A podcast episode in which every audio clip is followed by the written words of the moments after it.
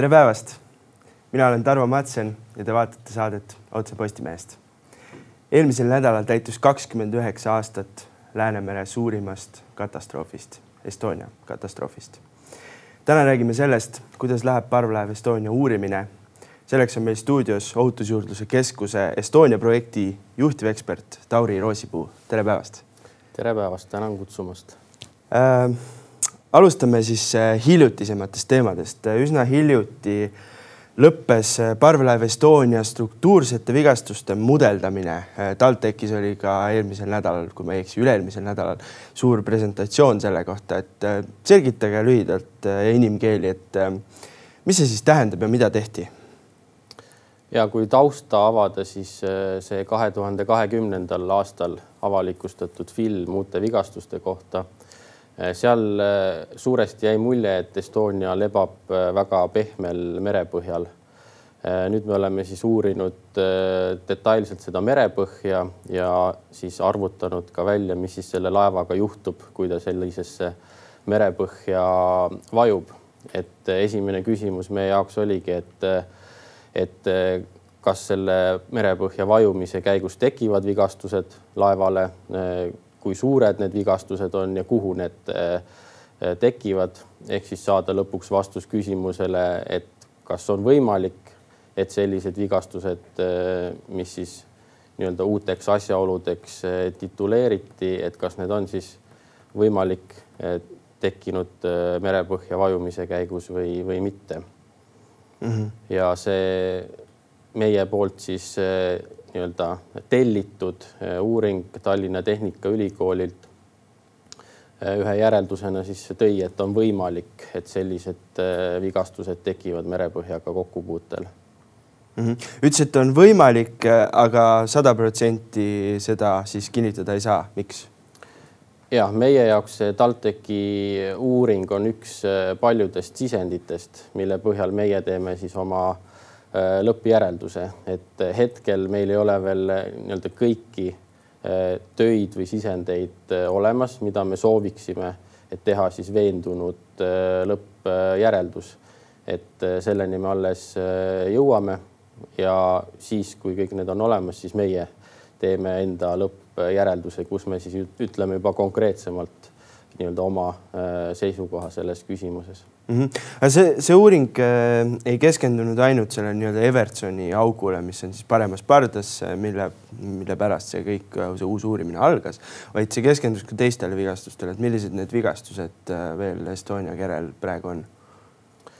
ja kui seda laeva merepõhja vajumist äh, vaadelda, siis teadaolevalt ta vajus merepõhja ahter ees. see oli siis esimene kontakt Äh, merepõhjaga, see tähendab, et ahtrisse äh, tekivad äh, märkimisväärsed vigastused ja samuti siis laeva keskosas paljandub, tuleb siis nii-öelda setete vahelt nii-öelda pinnale aluskorra kivim, kõva kivim, mis tekitab siis laeva keskosas vigastusi, aga samuti ka eelmisel aastal tehtud fotogrammeetria uuringu käigus selgus, et laeva lameda põhja peal on selline läbivajumine, eh, mitukümmend sentimeetrit eh, korrapärane sihuke nii-öelda mõlk. ja ka sellele on seal äh, nii-öelda tähelepanu pööratud, et kuidas see võis tekkida, et arvutused näitavad, et kuskil kolmekümne meetri sügavusel vee all kui seal on, tekivad õhutaskud, siis veesurve juba hakkab ka sisekonstruktsioone purustama mm. -hmm viimati te käisite ekspeditsioonil äh, nüüd sel suvel. ekspeditsioonil oli teil kaks suurt eesmärki. esimene oli see, et tuua üles Estonia vööriramp ja teine oli see, et filmida üles autotekk. tahan nüüd küsida selle autoteki kohta, sellepärast et autotekki ei ole tegelikult varasemalt niimoodi väga põhjalikult uuritud. varem oli vööriramp seal ees Äh, hiljem äh, oli seal palju rususid, ei olnud nagu õiget tehnikat, et sinna minna.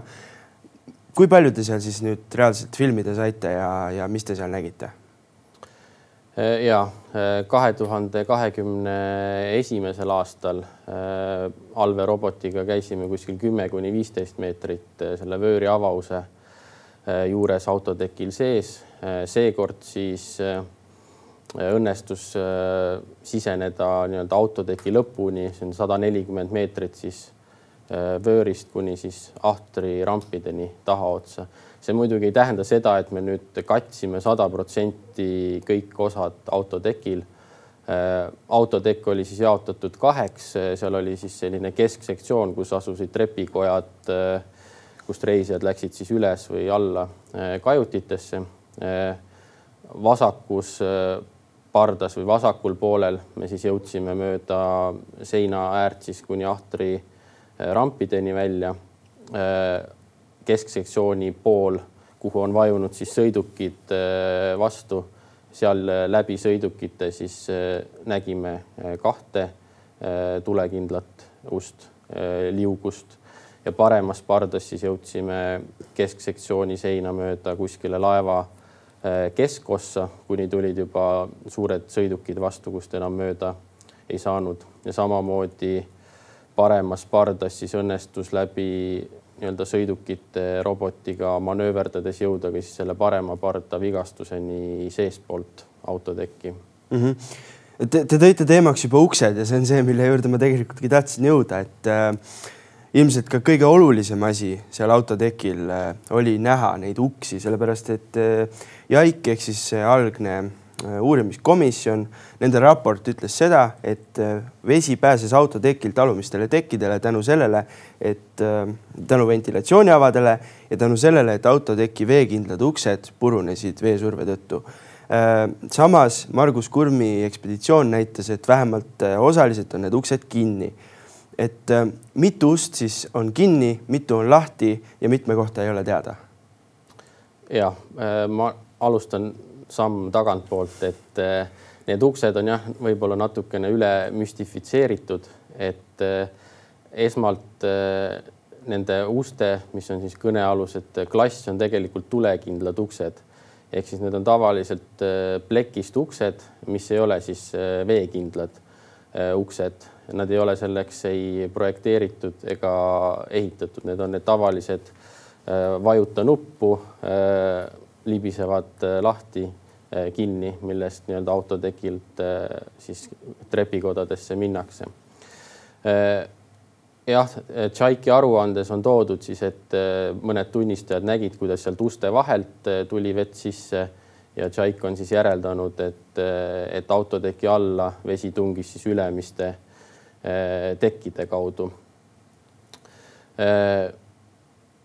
Näiteks järgmistes äh, nii-öelda arvutustes, mis äh, kahe tuhandendatel tehti, Saksa konsortsium kasutas nende uste puhul nii-öelda läbivustegurit äh, kolmkümmend kolm protsenti, see tähendab, et sada protsenti oleks siis uks täielikult eest ära, null protsenti, et see uks oleks täielikult kinni.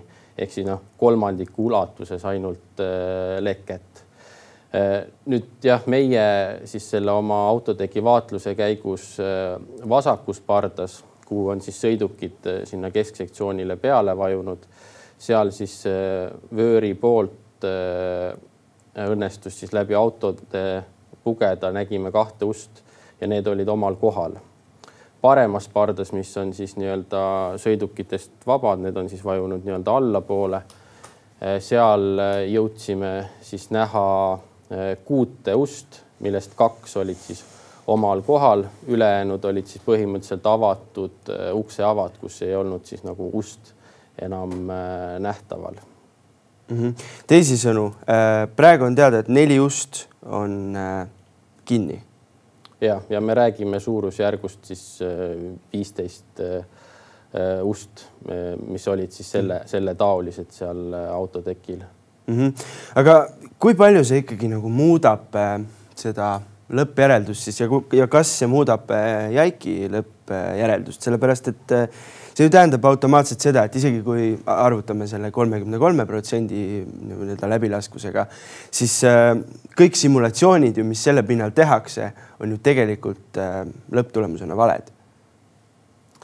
jah, no ma selle võib-olla tooks esimese asjana välja, et seda nüüd kindlasti ei õnnestu kunagi kindlaks teha, et milline uks nüüd äh, õnnetuse ajal, mis hetkel purunes ja kas üldse purunes, et noh, me täielikku kindlust ei saa kunagi, ehk siis need ükskõik mis arvutusi me kunagi teeme, need ikkagi tõenäoliselt põhinevad mingisugusel eeldusel või hinnangul, mis nende ustega võis juhtuda. meil on järgmiseks aastaks eesmärk teha siis ka uuesti nii-öelda need uppumise mudeldamised läbi, sest avalikkust kindlasti huvitab ka see küsimus, et kas see laev oleks võinud uppuda nende parema parda aukudega.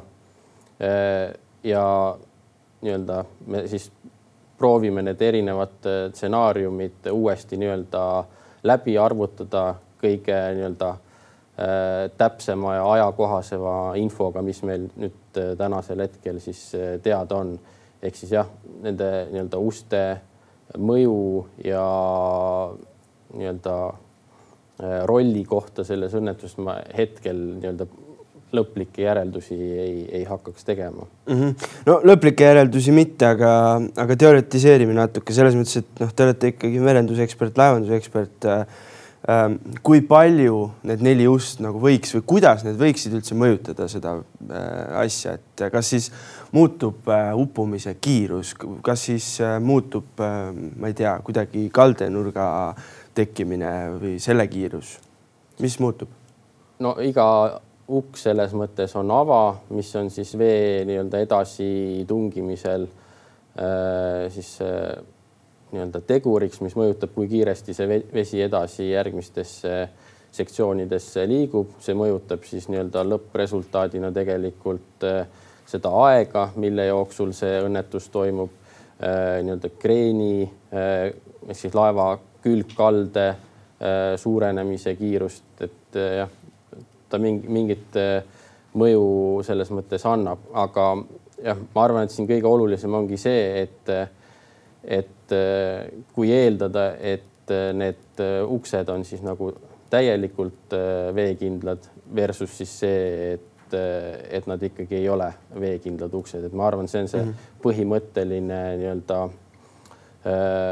koht, mida siis sellel puhul arvestada, et noh, see nüüd, et kas seal see läbivusprotsent on nüüd kakskümmend, kolmkümmend kolm või nelikümmend viis protsenti, et noh, see ei, ei siis nii-öelda väära siis seda lõpuks seda nii-öelda õnnetuse kulgu. no, nad, on, nad on ikkagi, ikkagi kerge konstruktsioon, mis ei ole mõeldud vett kinni pidama ja no kiirust ta ikkagi mõjutab, äh, aga ma küsin autoteki kohta veel, siis liigume edasi, et äh, ma saan aru, see autotekk on praegu täis nagu rususid äh, ja see on nagu põhjus, miks äh, kogu autotekki ei näe, miks kõiki näiteks uksi ei näe äh,.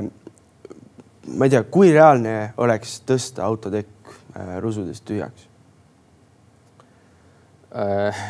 selles mõttes äh, ma arvan, esimene küsimus oleks sellel puhul, et mis selle eesmärk või nii-öelda väärtus on. Noh, ütleme avamere tööde seisukohalt, kui keegi väga suured summad nii-öelda välja käib, teoreetiliselt see võib-olla isegi oleks võimalik, tõenäoliselt väga keerukas, aga jah, siis on see küsimus, et mida see töö meile nii-öelda teadmisena annab. Et eh, noh, kui kasvõi sinna mõnele uksele on auto peale vajunud, siis eh, noh, jällegi see ei ütle seda, kas see uks nüüd eh, purunes õnnetuse esimestel minutitel või siis õnnestuse viimastel minutitel mm. -hmm, sest kui me kujutame ette laeva, mis vajub kreeni, siis autod vajusid tegelikult juba uppumise ajal võib-olla sinna uste peale. jah, see on võimalik mm. -hmm. üks asi veel, mille kohta meedias tekkis suur arutelu, oli äh, visiiri nii-öelda juhtkang. Äh, te seal midagi käisite koputamas ja nii edasi, et mis teema sellega täpsemalt oli? ja selle meretööde ajal siis meedias jah, kerkis see teema esile, et tuleks neid juhtkange kontrollida ja üks esitatud teooria oli siis see, et, et keegi on siis üritanud haamriga ühte seda juhtkangi siis blokeerida äh, mingisse kindlasse asendisse äh,. me siis vaatlesime, kuna see juhtkapp äh, nii-öelda asub kohe selle vööri sissekäigu juures, siis me seda ka vaatlesime äh, selle ühe nii-öelda hoova karbi peal oli tõesti selline oranž moodustis, mida seal autotekil on tegelikult väga palju ja väga paljudes kohtades selliseid moodustisi ja nii-öelda vaikselt siis selle robotiga müksates sedasi siis nii-öelda purunes tükkideks ja lendus minema. Et noh, videopildi põhjal tundus, et see on lihtsalt niisuguse bioloogilise tekkega äh, kasv selle kangi juures. ja noh, võib-olla lihtsalt äh, lisada siia, et, et see, seal on kahte tüüpi kange, see kang, mille juures see nii-öelda arvatav haamer oli et seal ei ole sellist soont, mille sees see kang liigub, kuhu saaks midagi vahele toppida. ja samas ka tegelikult eh, ehituslikult eh, see visiiri eh, nii-öelda automaatika oli selline, et enne kui lukud ei olnud avatud, selle kangi nii-öelda liigutamine ei oleks mingisugust mõju selle visiiri avanemisele või sulgemisele avaldanud. niisugune kaitsemehhanism oli seal peal mm mm. -hmm. Te tõite suvel äh, üles äh, Estonia vöörirambi. Äh, mis sellega siis nüüd tehtud on, kus te teda üldse hoiate? See paikneb ühe eraettevõtte territooriumil laohoones, mida me rendime Harjumaal Raasiku vallas. hetkel on lõpusirgel siis rambi laserskaneerimine ja fotogrammeetria, see tähendab siis seda, et rambi praeguse seisukorra äh, dokumenteerimist ja samas, et me saaks ka teda siis kasutada erinevate nii-öelda digitaalsete arvutuste ja analüüside äh, jaoks. Äh, sellele on tehtud nii-öelda visuaalseid vaatlusi mitmeid. aga ütleme suures pildis nii-öelda tööde mõttes see hetkel ongi kõik, et järgmised etapid juba nii-öelda on äh, nii-öelda arvutis toimuvad ehk siis mudelite võrdlus ja erinevad arvutused siis mm. -hmm. niimoodi inimkeeli öeldes, mida te sealt, mida te sellest rambist üldse nagu teada tahtsite saada, miks te ta üles tõite? Äh, ramp tegelikult ka kujunes äh, selliseks uueks asjaoluks kahe tuhande kahekümne esimesel aastal, kui eeluuringute käigus seal esimest korda äh, selle projekti raames käidi, et varem oli teada, et ta siis ripub ühe nurgaga vraki küljes ja katab seda vööri avaust. aga siis selgus, et, et ta ei ole oma enam varem teada olnud kohal, on, paikneb merepõhjas, toetudes vastu laevakeret Äh, siis esimene küsimus äh, oli ka avalikkuses suuresti see, et äh, mis selle rambiga on juhtunud. See on üks küsimus, millele me soovime siis vastust leida.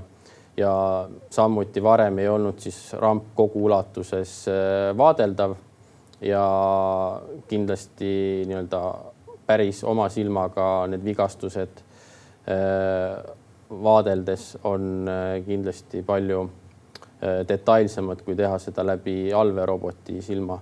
Ja tahes-tahtmata selle visiiri ja rambi nii-öelda eraldumise ja selle võimalikkuse kohta on väga nii-öelda palju küsimusi veel nii-öelda õhus, äh, millele me siis soovime ka nii-öelda täiendavaid selgitusi anda, kust mingid vigastused äh, on tekkinud ja mis selle visiiri ja rambiga siis tegelikult täpselt juhtus ja mm -hmm. kasutades siis selleks nüüdisaegseid vahendeid mm. -hmm. kas teil on praegu juba mingisuguseid, ma ei tea, üllatusi sealt välja tulnud? noh, sest eelmises vaheraportis Ohutusjuurdluse Keskus ütles seda põhimõtteliselt, et vöörikonstruktsioonis näiteks kasutati teistsuguseid materjale, kui joonistes oli kirjas ja see konstruktsioon ise oli teistsugune. ja, tegelikult äh, meie nii-öelda järeldus, mille me tegime siis selle vööri konstruktsiooni kohta, suuresti põhines äh, nendel samadel faktidel, mis on Tšaiki äh, lõpparuandes teada. ehk siis laeva nii-öelda ütleme elueas või kasutamises on siis projekteerimisetapp, ehitusetapp, järelevalve ehk siis sertifitseerimise etapp ja siis selle laeva nii-öelda kasutamise etapp ja juba Tšaiki aruandes on välja toodud, et nii projekteerimise, ehituse kui ka järelevalve nii-öelda etappides kõikides oli suuri nii-öelda mööda laskmisi. Ja noh, kui Tšaik järeldas nii-öelda laeva nii-öelda käitamislikult, käitamislikust vaatest, et laeval olid kehtivad tunnistused, et järelikult oli merekõlbulik, siis meie nende samade faktide põhjal tegelikult äh, tegime teistsuguse järelduse, et äh, isegi kui tal dokumendid olid väljastatud, siis need dokumendid olid väljastatud valedel alustel ehk siis ei vastanud tollastele reeglitele ja mm -hmm. sellel liinil ta tegelikult sõita ei oleks tohtinud mm. -hmm. Te olite ise ka ekspeditsioonil kaasas, et äh, ikkagi, kui te vaatasite seda Fööri rampi, kui te olete nüüd seda vaadanud äh,, uurinud äh, niimoodi visuaalselt, kas seal on midagi sellist, äh, ma ei tea, üllatavat äh, või midagi sellist, millele peaks tähelepanu pöörama? Äh, sellist suurt üllatust ei olnud, et tegelikult ju neid rambi vigastusi on nii üheksakümnendate esimeste sukeldumiste käigus filmitud eelmisel aastal tehtud fotogrammeetria käigus, noh, nüüd me näeme lihtsalt seda tervikuna ja neid vigastusi ka väga detailselt, mis oli võib-olla noh, veidi üllatav oli see, et kui hästi see ramp oli seal säilinud selle kahekümne üheksa aasta jooksul, et see äh, värvi nii-öelda katvus ja kvaliteet oli kohati väga hea, üllatavalt hea mm. -hmm. mis te veel ekspeditsioonil tegite, ma sain aru, et äh, algne plaan oli vähemalt äh, tuua üles aknad, et nende tugevust testida, teha mingisugused metalliproovid. Ja see meretööd, mis juulis siis tehti, need olid siis Rootsi õnnetusjuhtumite uurimise ameti riigihanke tulemus, nemad siis finantseerisid neid töid suuresti Äh, esmalt me siis võtsime kivimiproovi selle parema parda vigastuse vastast, kus see aluskorrakivim äh, paljandub. Seejärel siis ka selle vigastuse ümbert laeva kere äh, pinnalt selliseid kattumisproove. seejärel tõime siis vasakult pardalt üles üheksakümne neljandal aastal tuukrite poolt välja lõigatud Äh, kaks terasetükki, mille kaudu, avade kaudu nad sisenesid siis äh, vrakki, see on siis ka mudeldamise jaoks oluline.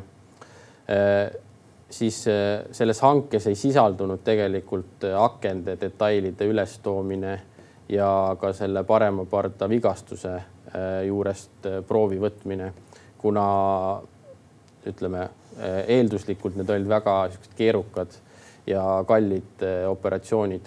Aga kohapeal siis äh, nii-öelda proovides ja siis töövõtja vastutulelikkuse äh, abil me siis saime äh, tuua ka mõned aknadetailid üles ja siis ka sellest samast parema parda vigastusest ühest sellest purunemise servast siis lõigata ka terase proovi, metalliproovi siis. ja seejärel jah tegime autoteki vaatluse ja viimase tööna siis tõstsime vöörirambi üles. mis need proovid siis äh, öelnud on? Äh, see parema parda äh, vigastuse proov läks kõigepealt siis Eesti Kohtu Ekspertiisi Instituuti, seal me lasime siis teha kolm analüüsi, esmalt, kas seal on mingisuguse metallobjekti kokkupõrke jälgi. Teiseks, kas seal on lõhkeaine jälgi. Ja kolmandaks, kas seal on visuaalselt äratuntavaid plahvatuse jälgi. Need tulemused me peaks nüüd saama oktoobri alguses ja kui need on siis teada, me siis need ka avalikustame. kivimi proov on hetkel Kanadas uurimisel, kus määratakse täpselt selle kivimi liik ja need üheksakümne neljanda aasta väljalõiked, need on siis Tallinna Tehnikaülikoolis nii-öelda katsetamisel, et nende terase omadused siis kindlaks määrata mm. -hmm. no te natukene tõite juba seda teemaks, aga, aga siiski, et äh, detailidesse ei hakka laskuma, aga hiljuti tekkis olukord, kus Eesti enam ei tahtnud äh, seda uurimist rohkem äh, rahastada, siis astus vahele Rootsi. suvel käisitegi Rootsi riigi raha eest ekspeditsioonil. samal ajal juhtiv riik on justkui ikkagi Eesti, et kui palju Eestil reaalselt praeguses, praeguses seisus siis sel, selles uurimises on sellist sõnaõigust? sõnaõigust et äh, meil on täpselt nii palju kui vaja, et äh, et see, et näiteks rootslased maksid selle rambi nii-öelda ülestõstmise eest, äh, see ramp jõudis Eestisse ja meie nii-öelda tellime ja maksame need uuringud, mis selle rambiga tehti, et et ma ei näe küll, et siin nii-öelda see Rootsi rahastus kuidagi mõjutaks siis nii-öelda seda analüüsi tulemusi või seda projekti juhtimist. et jah, äh, me nii-öelda tegutseme igapäevases äh, koostöös ja äh, selles mõttes me langetame nii-öelda otsused ühiselt, mitte selle järgi, et kes, kes maksis, et see saab ka järeldused teha mm. -hmm. aga noh, see, et mida te seal ekspeditsioonil teete ja täpselt mida uurite, et see on ju ikkagi siis lõpuks Rootsi otsustada sellisel juhul, et isegi kui Eesti tahaks midagi, midagi muud veel teha, et siis seda ju ei saaks teha Äh, noh, tegelikult äh, jah, rootslased koostasid selle hanke, me arutasime neid äh, tingimusi läbi, mis on siis neile eraldatud vahendite järgi võimalik teha, aga noh, väga hea näide oligi see, et näiteks mind või Eesti poolt huvitasidki väga need akende detailid, kuna neid on eelnevates uuri-, uuringutes siis soovitatud välja tuua, et saada just neid arvutustulemusi täpsemaks siis äh, selles mõttes Rootsi ohutusjuurdluse keskuse peadirektori asetäitja andiski mulle loa, et näed, siin on äh, roboti operaator, ütle, mida sa sisuliselt tahad. Ja noh, mina sain näidata siis, mis detaile oli vaja ja samamoodi see parema parda väljalõige äh,. nii-öelda mina sain neid juhendada, kust, kust lõigata ja kuidas saada siis võimalikult hea nii-öelda proov sealt Äh, kätte, et see oli äh, sellegipoolest nagu väljakutse, kuna see vigastus asub sellises ahenevas kanalis seal merepõhja laeva ja siis selle kivimi paljandi vahele pugeda selle suure robotiga oli tükk, tükk tegemist. aga noh, see on selles mõttes hea näide, et, et olenemata sellest, et Rootsi maksis, meil oli nii-öelda võimalus ikkagi äh, ennast huvitavad detailid ka kätte saada ja ka noh, sisuliselt ütleme siis eh, juhtida seda mm. -hmm. Mis nüüd saab edasi äh, ja, ja seda siis nii, ma ei tea, rahalisest poolest äh, kui ka tegelikult sisulisest poolest, et äh, mida peaks veel tegema, et vähemalt enamus inimesi saaks selle teema rahulikult nii-öelda punkti panna? ja selleks, et me saaksime oma nii-öelda lõppjäreldused teha ja teha need siis äh, kindla veendumusega, mitte jätta sellist ebamäärasust, et kas võimalik või mitte võimalik. Eh, selleks me kindlasti tahame teha need eh, digitaalsed uppumise modelleerimised, simulatsioonid läbi, mida eelnevalt sai mainitud ja samamoodi siis ka selle vööri konstruktsiooni purunemise digitaalse nii-öelda modelleerimise et siis on meil, ütleme, olemas see info kogumis, mille põhjal me hindame, et on võimalik siis teha äh, väga selged järeldused. Äh, need äh, tööd saavad toimuda alates järgmisest aastast, kuna hetkel nii-öelda kasutada oleva aja ja vahenditega neid teha ei saa. see, need finantsid, mis meil hetkel on neid ei ole võimalik riigieelarve reeglite tõttu enam ka edasi kanda, ehk siis me soovime valitsuse reservist siis ka järgmiseks aastaks eh, lisaraha taotleda mm. -hmm. ja kui seda ei saa, siis jääb punkt panemata äh,? siis need järeldused äh, osad kindlasti jäävad tegemata või siis need on tunduvalt siis nii-öelda põhinevad väiksemal nii-öelda kindlusel või veenvusel mm. -hmm. ehk siis äh, teisisõnu kogu see aastate töö oleks nagu sisuliselt äh, mõttetu. Äh, aga ka, kas on veel vaja teha mõni ekspeditsioon, kas on vaja veel mingisuguseid algandmeid koguda nende mudeldamiste jaoks? selle uppumise mudeldamise nii-öelda üheks sisendiks on ka nii-öelda laeva teekond, kuidas ta seal uppumise käigus käitus meil on selles mõttes soov äh, ka tegelikult uurida seda nii-öelda uppumisteekonda veel äh, nii-öelda sonaritega, aga me proovime seda teha järgmis, tähendab siis selle, selle aasta jooksul olemasolevate äh, vahenditega. aga see on hetkel läbirääkimiste protsessis veel võimaliku tööde teostajaga. aga see tähendab, et see ei pruugi ka õnnestuda, kuna ajaline Äh, raam on juba üsna kitsas mm. -hmm. mis see põhim-, noh, kuidas nüüd inimkeeli seda seletada, et te põhimõtteliselt otsite merepõhjast äh, mingisuguseid, äh, ma ei tea, juppe, mis on kukkunud? laevalt uppumise käigus siis jah äh,, nii-öelda vette kukkunud esemeid, mis annaks äh, aimu sellest teekonnast, sest äh, kõik need senised simulatsioonid põhinevad tegelikult ühel üheksakümne viienda aasta merepõhja kaardistusel, mis on äh, väga äh, nii-öelda üsna, üsna ebamäärane, et äh, simuleerida selles mõttes saab kõike, mis iganes stsenaariumeid, mida rohkem me saame anda talle neid piire, raame ette nii ajalises kui ka geograafilises mõõtmes ajas ja ruumis, seda kindlamalt me saame öelda, et miks üks või teine Äh, stsenaarium on võimalik või siis mitte, kuna kas ta mahub siis nendesse raamidesse või, või ei mahu. selge pilt, soovin teile jõudu, edu, aitäh tulemast. aitäh ka kõigile vaatajatele. Äh, järgmine Postimehe otsesaade on eetris juba homme. seniks lugege uudiseid postimees.ee